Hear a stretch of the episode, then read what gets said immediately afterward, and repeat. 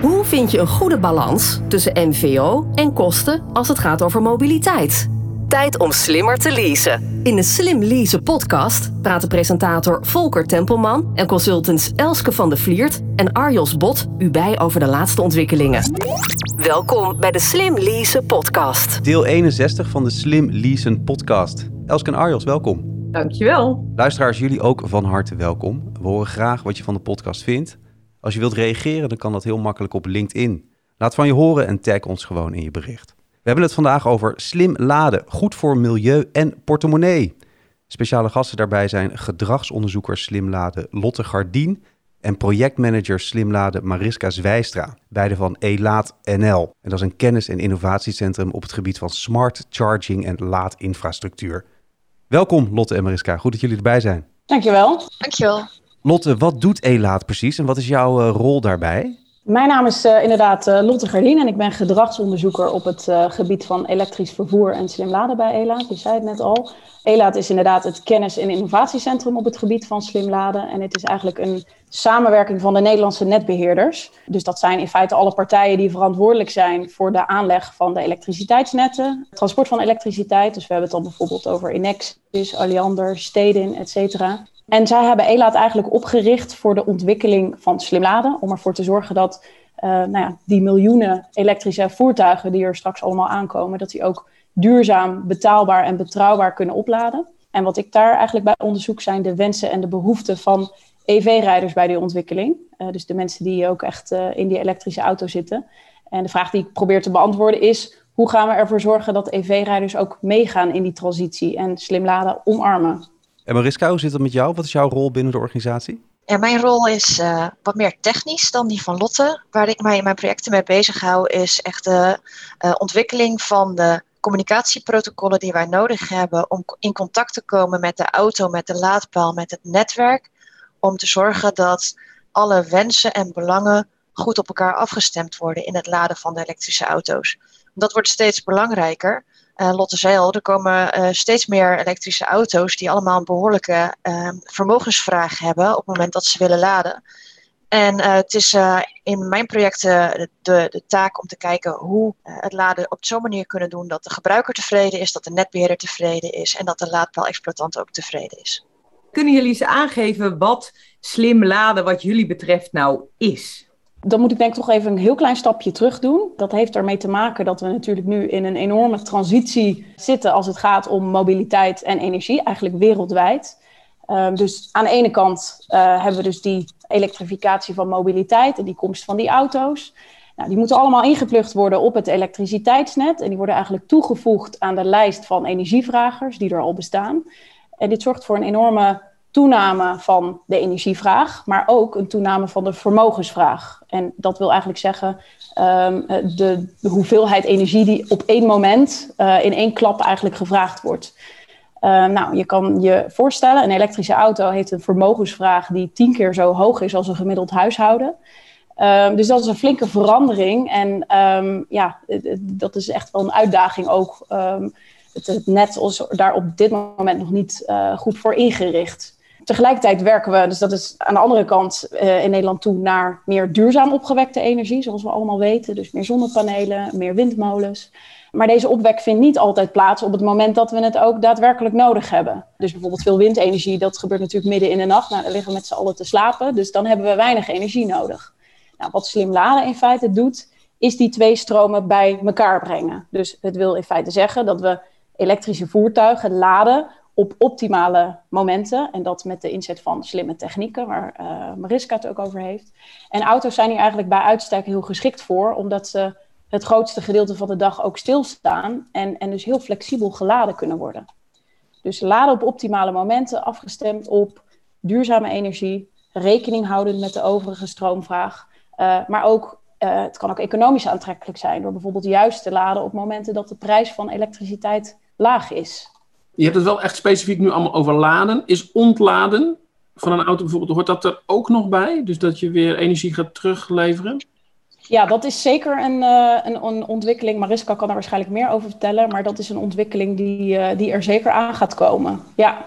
In feite is die auto natuurlijk een soort van batterij op wielen. Dus die kun je ook heel goed gebruiken om tijdelijk energie in op te slaan. En wellicht op een later moment weer te gebruiken. Bijvoorbeeld voor je huishouden. Dit is de Slim Lease podcast. Met Volker Tempelman, Elske van de Vliert en Arjos Bot. Dat is een mooi bruggetje wat je dan maakt. Dan denk ik naar Mariska. Kun jij iets ons meenemen in de meest relevante ontwikkelingen, zeg maar, nou ja, vandaag, maar misschien stiekem ook al morgen?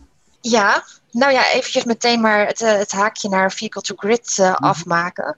En Vehicle to Grid is al, al heel wat jaren een uh, onderwerp van gesprek in het laden van elektrische auto's. Het is in potentie een hele mooie manier om de balans tussen opwek en verbruik nog beter te maken dan we met slim laden kunnen doen.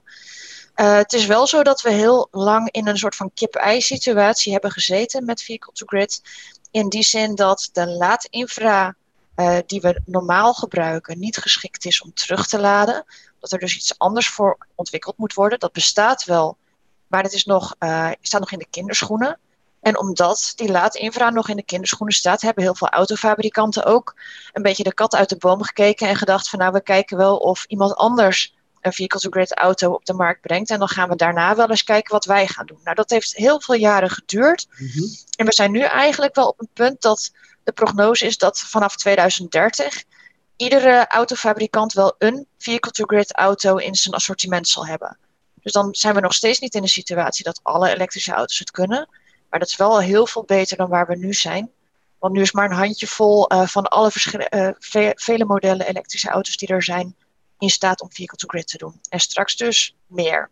Andere ontwikkelingen die er uh, nu gaande zijn, is dat wij uh, vanuit ELATNL eigenlijk continu monitoren hoe de ontwikkeling van elektrisch vervoer nou eigenlijk gaat. Mm-hmm. En we willen ons goed voorbereiden op de aantallen die op ons afkomen, op de laadbehoeften. En wat wel interessant is uh, daarin, is dat wij recent hebben geconstateerd dat onze prognose van twee jaar geleden op dit moment eigenlijk al uh, 35% omhoog moet in de aantallen elektrische voertuigen. Dat betekent dus dat die adoptie van brandstofauto's naar elektrische auto's veel sneller gaat dan, uh, dan wij dachten. Geeft ook de, de noodzaak aan van het continu blijven monitoren van die ontwikkeling. Verbaas je dat, die, uh, die, die groei? Um, nou, er zijn natuurlijk heel veel factoren die van invloed zijn op de adoptie van elektrische uh, voertuigen. Het heeft te maken met de aantrekkelijkheid van elektrische auto's voor de berijder. En vindt de berijder zo'n auto mooi? Uh, wil hij daarin rijden? Uh, ook wat er aangeboden wordt door werkgevers. Hè, uh, je ziet nu veel bedrijven die over willen naar een 100% elektrische vloot. Dat helpt ja. natuurlijk. Ja. En ook het, het olievlek-effect, van, uh, wat, je, wat we ook bij zonnepanelen hebben gezien. de buurman heeft een elektrische auto, is toch eigenlijk wel mooi. en dan gaan mensen ook eens nadenken om, om dat te kopen. Dus ja, dat, dat speelt allemaal mee. En ook wat nog verder een ontwikkeling is die meespeelt, is dat auto's die nu op de markt komen een veel grotere batterij hebben dan wat we in de beginjaren zagen. Dus die kunnen veel meer kilometers rijden, waardoor ook de mensen die altijd een beetje hebben afgewacht van ja, elektrische auto's toch wel, ja. uh, wel lastig, 200 kilometer rijden. Nou, die angst is er nu niet meer. Want uh, je kan met een elektrische auto nu net zoveel rijden als met een benzineauto. En mensen worden zich naar mijn idee, maar dat kan Lotte dan straks wel weer meer over zeggen, ook wel meer bewust van, hè, van hoe, hoe werkt dat nou als ik elektrisch rij? Uh, hoeveel kilometer rij ik eigenlijk op een dag en hoe, hoe belangrijk is het nou eigenlijk hoeveel kilometer ik op een uh, volle batterij kan rijden? Dat vroeg ik me af, Lotte. Je bent als gedragswetenschapper bezig, maar uh, is het nog wel nodig om mensen te verleiden? En hoe zou je het kunnen doen, ben ik ook benieuwd naar. Maar ja, als, ik, hè, als we dit zo horen, dan uh, misschien kunnen we het gewoon uh, loslaten en uh, kijken wat er gebeurt, of niet? Nou, het klopt inderdaad dat die adoptie van elektrisch rijden eigenlijk als een, als een trein gaat. Dat gaat, gaat echt nou, dus veel sneller dan we eigenlijk verwacht hadden. Nou, de volgende stap is natuurlijk ook dat we met z'n allen verantwoord die auto's gaan opladen. En dan komt slim laden weer op de hoek, om de hoek kijken. Ja slim laden vraagt eigenlijk van ons mensen dat we een beetje anders met elektriciteit omgaan dan dat we gewend zijn. Dus we zijn er aan gewend dat uh, als je wilt laden, bijvoorbeeld je telefoon, je steekt de stekker in het stopcontact en energie is eigenlijk altijd direct en op volle kracht beschikbaar. Um, maar, maar slim laden vraagt van ons dat we misschien beter soms op andere momenten kunnen laden. Dus uh, je plugt in, maar wellicht wil je midden in de nacht laden als er veel zonne- of veel windenergie is Of je wil misschien op het moment uh, laden dat uh, je zonnepanelen heel veel stroom genereren. Of misschien wil je uh, nou ja, laden als het, het daltarief ingaat. Ja. nou, dat vraagt natuurlijk nog wel ja, meer, meer bekendheid en meer, meer adoptie. En wat zijn daar de ontwikkelingen in? Kun je daar iets over zeggen? Ja, zeker. Ja, dat is uh, uiteindelijk waar ik mij uh, mee bezig hou in mijn onderzoek natuurlijk ook. Mhm. Ja, het, het goede nieuws is eigenlijk dat we zien dat in de basis mensen heel positief al staan tegenover slim laden. Uh, als je slim laden goed uitlegt in alle facetten, want het is natuurlijk een beetje een containerbegrip waar heel veel verschillende dingen onder vallen. Maar als je het goed uitlegt, dan zie je dat mensen het goed begrijpen, ook de kansen zien en het belang ervan goed kunnen begrijpen.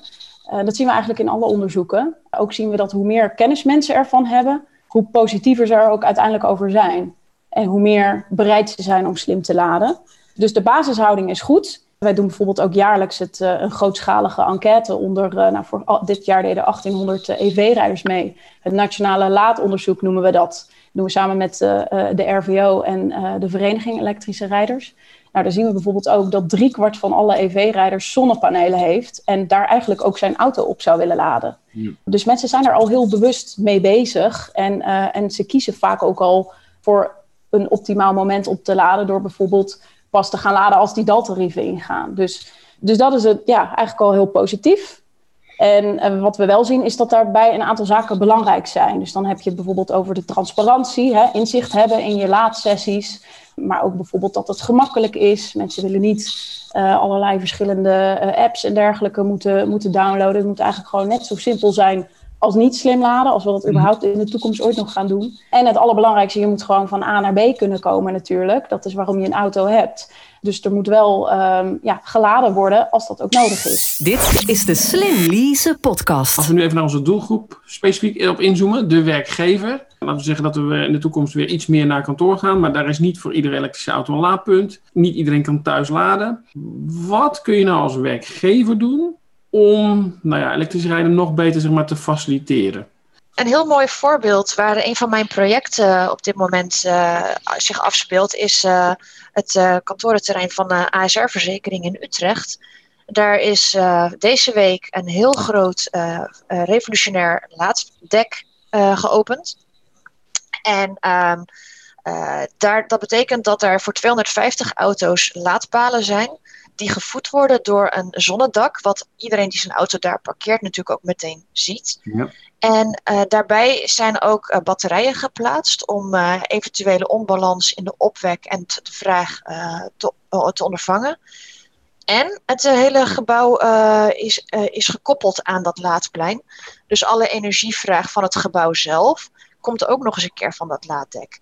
En wat daar heel sterk is, is dat het eigenlijk onmogelijk is als elektrisch rijder om je niet bewust te zijn van wat er nou eigenlijk gebeurt op het moment dat jij je auto inplugt.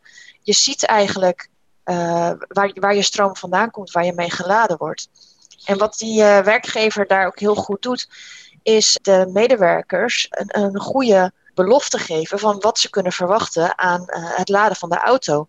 Dus ze zijn onderdeel van het energiesysteem. En de, de werkgever belooft van je, je komt sowieso weer op jouw eindbestemming na jouw werkdag. Maar je bent onderdeel van uh, het elektriciteitsverbruik van het pand, van de opwek van de zonnepanelen, et cetera. En ik denk dat dat een hele mooie invulling is om mensen bewust te maken van slim laden en ze ook de zekerheid te geven, kom thuis. Ik vroeg me nog even af, bijvoorbeeld zo'n ASR. Hoe komen die nou toe om hiervoor te kiezen? Want eh, je zet niet zomaar 250 laadpalen en een enorm zonnedak daarvoor neer. Zeg maar. Wat is voor hen de aanleiding om dat te doen? Het, het is vaak een alles overkoepelende duurzaamheidsambitie.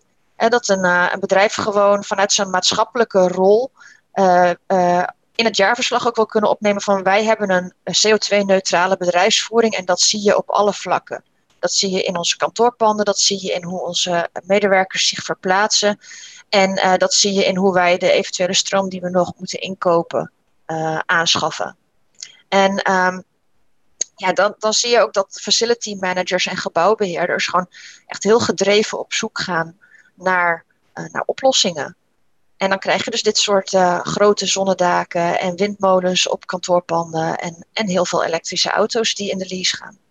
Ja, Misschien ook wel goed als, eh, als toevoeging hierop is dat als je dit nou als bedrijf wilt en als je wilt elektrificeren en alles wat daarbij hoort, dan zijn er ook een hele hoop ja, organisaties eigenlijk die daarbij kunnen helpen in de uitrol van die strategie. EPACT is daar bijvoorbeeld eh, een, een voorbeeld van. Ehm, dus, dus daar kunnen ze in eerste instantie gaan kijken eh, wat houdt het allemaal in om, om over te stappen naar een elektrische vloot. En wat komt er dan vervolgens technisch allemaal bij kijken? En wat is daar qua slim laden en dergelijke dan ook allemaal voor nodig? Ik zou eigenlijk nog even iets verder in de toekomst willen kijken. En ik, we spinnen jullie er niet op vast, hè, maar een klein beetje.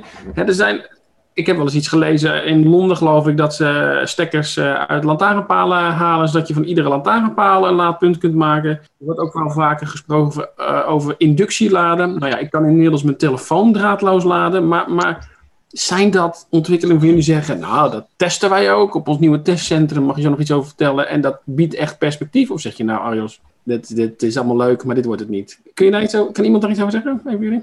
Ja, kan ik wel wat over zeggen. Ja, we- al die dingen die je noemt, die testen wij inderdaad. Daar hebben we ook eh, projecten op uitgevoerd. Nee. En vooral met eh, inductieladen en eh eh lantaarnpaalladen zijn eigenlijk allebei oplossingen om de impact op de openbare ruimte van het elektrisch rijden te verkleinen. Mhm. Uh, wij zien inductieladen vooral als een vorm van wel stationair laden. Dus wel dat als de auto stilstaat, gewoon vanwege de benodigde investeringen. En hele weg aanleggen met inductieladen, dat, dat gaat nogal ver. Ja. Maar ja, in, inductieladen eh, is goed mogelijk. Eh, is voor de particuliere rijder eh, nog wel een, een beetje een spannende innovatie, waar nog wat meer research naar nodig is om dat eh, eh, ook voor de bereider stabiel en betrouwbaar te maken. En je moet goed parkeren en je moet zeker weten dat je auto er gaat laden. En vooral als we dan ook nog een slim laden protocol eh, gaan toepassen op een inductielaadplek, dan wordt het communiceren naar de EV-rijder dat de laadsessie wel degelijk gestart is, wel erg belangrijk. Ja. Want je ziet verder niks, je kan zelf niet echt iets inpluggen. En lantaarnpaal laden is eh, ehm, ja, wel een soort van in opkomst, maar heeft eh, allerlei praktische haken en ogen. Ehm, wat er bijvoorbeeld bij komt kijken is dat een lantaarnpaal traditioneel gezien op een veel kleinere elektriciteitsaansluiting zit dan een laadpaal. Mhm. Uh, dus daar moet je uh, rekening mee houden in de aanleg. En ook dat een lantaarnpaal een heel ander beheersorganisatie heeft dan een laadpaal. En uh, dan krijg je ook praktische problemen van gaat dan een laadpaal operator ineens ook lantaarnpalen beheren? Of zitten er twee partijen op? En wat gebeurt er dan als er iets gebeurt met die lantaarnlaadpaal? Wie, wie moet er dan heen? Ja. Lantaarnlaadpaal. Ja, dat is, dit is een mooi woord voor galgje. nou ja, en, en ook gewoon heel, heel erg in de, in de start al is het een, een, uh, uh, een mooi vraagstuk. Omdat eigenlijk de, de plaatsing van lantaarnpalen in de openbare ruimte gericht is natuurlijk op veiligheid. He, je wilt licht hebben op die plekken waar je licht nodig hebt. En laadpalen, die plaats je waar je een parkeerplaats hebt. En dat is niet noodzakelijkerwijs op dezelfde plek als waar je licht nodig hebt. En daarbij komt nog dat je lantaarnpalen vaak wat verder van de weg wilt plaatsen, zodat het risico dat ze aangereden worden kleiner is. En laadpalen wil je juist niet verder van de weg, want dan krijg je vervelende kabels die over de stoep liggen. Dus ja, je ziet ze wel steeds meer verschijnen, maar ik zie ook wel in de praktijk dan situaties waarbij er dan toch vreemde uh, constructies ontstaan met kabels die over andere auto's heen moeten of kabels die over de stoep liggen. En ja, ja dat, dat heeft nog wel wat, uh, wat zorg nodig, ook van de mensen die de ruimtelijke inrichtingsplannen maken. Dit is de Slim Lease podcast. We lopen tegen het einde van de podcast. Maar voordat we het over de toekomst gaan hebben, wil ik nog even naar het testcentrum. Je had je het net al over, uh, Arjos. Super interessant. Wat kunnen jullie daarover zeggen? Wat wordt er getest en wat moeten we daarover weten? Ja, dat klopt inderdaad. Um, we hebben nu in onze huidige vorm ook een, uh, een testlab, maar we gaan echt uh, uh, nou ja, enorm uitbreiden. Um, waarschijnlijk begin volgend jaar openen we dat. Het is echt een internationaal testlab. En eigenlijk zijn alle partijen die nou ja, elektrische voertuigen, en dan heb ik het niet alleen over personenauto's, maar ook motoren, bussen, vrachtwagens, schepen, noem het allemaal maar op. Uh, die kunnen daar langs worden om getest te worden. Eigenlijk met als doel om er zeker van te zijn dat al die voertuigen ook veilig en succesvol de Nederlandse markt kunnen betreden. Dus we hebben daarvoor allerlei speciale meetapparatuur, laadinfrastructuur aangelegd. En daar kunnen we ook nou ja, dus kijken naar die communicatie binnen die hele keten. Dus eigenlijk van auto tot zonnepaneel. Cybersecurity is daar bijvoorbeeld een aandacht. Dus uh, ja, daar gaan we de komende jaren gewoon ontzettend veel testen. En, en op die manier ook bijdragen aan de verdere introductie van elektrisch vervoer. Is dat dan ook een uh, nauwe samenwerking met de RDW? Hè, als ik denk aan de type goedkeuringen en dat soort dingen. Nou, sowieso zijn er nauwe contacten met, uh, met alle automotive sectoren en dergelijke om, om daar uh, ja, de auto's te testen, zeker. En waar komt het? Het komt op het IPKW-terrein in Arnhem. Ja. ja. dus we zitten al in Arnhem en we gaan naar een, een ander plekje. Dan de toekomst. Tot slot, welke tip hebben jullie voor onze luisteraars? En dat zijn dus mensen die dagelijks bezig zijn met zakelijk rijden, mobiliteit. Ik zou iedereen die er uh, beslissend bevoegd over is aanraden om altijd een vorm van slim laden toe te passen op je eigen terrein. Daarmee uh, maak je efficiënter gebruik van je eigen aansluiting en kun je een pioniersrol spelen in het bewustwordingsproces bij de elektrische rijders dat, uh, dat je energie in balans uit het net kunt halen met opwek en overige energievraag. Ja, daarbij is het natuurlijk ook hartstikke mooi als je meteen zo'n uh, zo'n zonnepanelen dak installeert. -hmm. Lotte, wat, wat kan jij daar nog aan toevoegen? Ja, misschien aansluitend uh, een, een, vraagje opgooien. Ik weet eigenlijk niet precies hoe het zit, maar uh, uh, een beetje gericht aan de, aan de, aan de lease-sector ook. Op dit moment is het natuurlijk zo dat, dat je als leaserijder heel vaak je eigen auto kunt uitzoeken. In ieder geval binnen een bepaalde voorselectie. Dus daar heb je echt de keuze in. Um, ik denk dat het heel vaak ook geldt dat er bij mensen thuis ook een laadpaal wordt geïnstalleerd onder, een, onder het noemen van een leasecontract. Uh, het aanbod aan laders groeit natuurlijk en ook alle functionaliteiten en dergelijke. Dus mijn vraag is eigenlijk, zouden lease-rijders misschien ook een, meer een keuze daarin moeten hebben? En zo bijvoorbeeld ook uh, kunnen kiezen voor nou ja, een laadpaal die in staat is om uh, te laden op de eigen opgewekte zonne-energie bijvoorbeeld, dat soort dingen. Ja, ik denk dat we daar nog veel ontwikkelingen in gaan. ja omdat de, de energiewet volgens mij uh, nou ja, hergegeven wordt. Hij is nog niet, er is nog geen nieuwe energiewet, maar er wordt aan gewerkt. En daar zal dit soort zaken zeker in meegenomen uh, worden, denk ik. Mooi. Ja. Dit was deel 61 van de Slim Leasen podcast. Te gast waren gedragsonderzoeker Slim Laden Lotte Gardien en projectmanager Slim Laden Mariska Zwijstra van Elaat NL. Dames, dank jullie wel. Graag gedaan. Luisteraars, jullie ook bedankt. We vinden het leuk dat je luistert en we blijven dan ook graag met jullie in contact. Laat eens gewoon van je horen, bijvoorbeeld op LinkedIn en tag ons in je bericht. Nou, Elske en Arjos, jullie zijn natuurlijk altijd goed te bereiken en te taggen. Uh, dames, waar kunnen we de luisteraars jullie bereiken als ze dat zouden willen? Makkelijkste denk ik via, uh, nou ja, Elaat is natuurlijk overal uh, te vinden op alle social media en dergelijke. En als je ons wilt mailen, dan kan dat via info. Duidelijk. Elske, waar ben jij te bereiken? Ik ben uh, te bereiken op van de Vliert zero-e.nl en ik hoop dat ik uh, mails mag ontvangen met uh, goede tips en wat je van uh, de aflevering vond en of je nog vragen hebt. We horen heel graag van je. Arjos, jij, waar ben jij te bereiken? Uiteraard via LinkedIn en ook via e-mail arjos.bot.arval.nl. En mocht je suggesties hebben voor volgende onderwerpen of thema's, laat het weten. Je kan de Slim Leasen podcast terugvinden op slimleasenpodcast.nl en natuurlijk in je eigen favoriete podcast app. Bedankt voor het luisteren. Tot de volgende keer. Tot zover deze aflevering van de Slim Leasen podcast. Zorg dat je op de hoogte blijft van alle ontwikkelingen op het gebied van zakelijke mobiliteit en luister ook naar de volgende aflevering.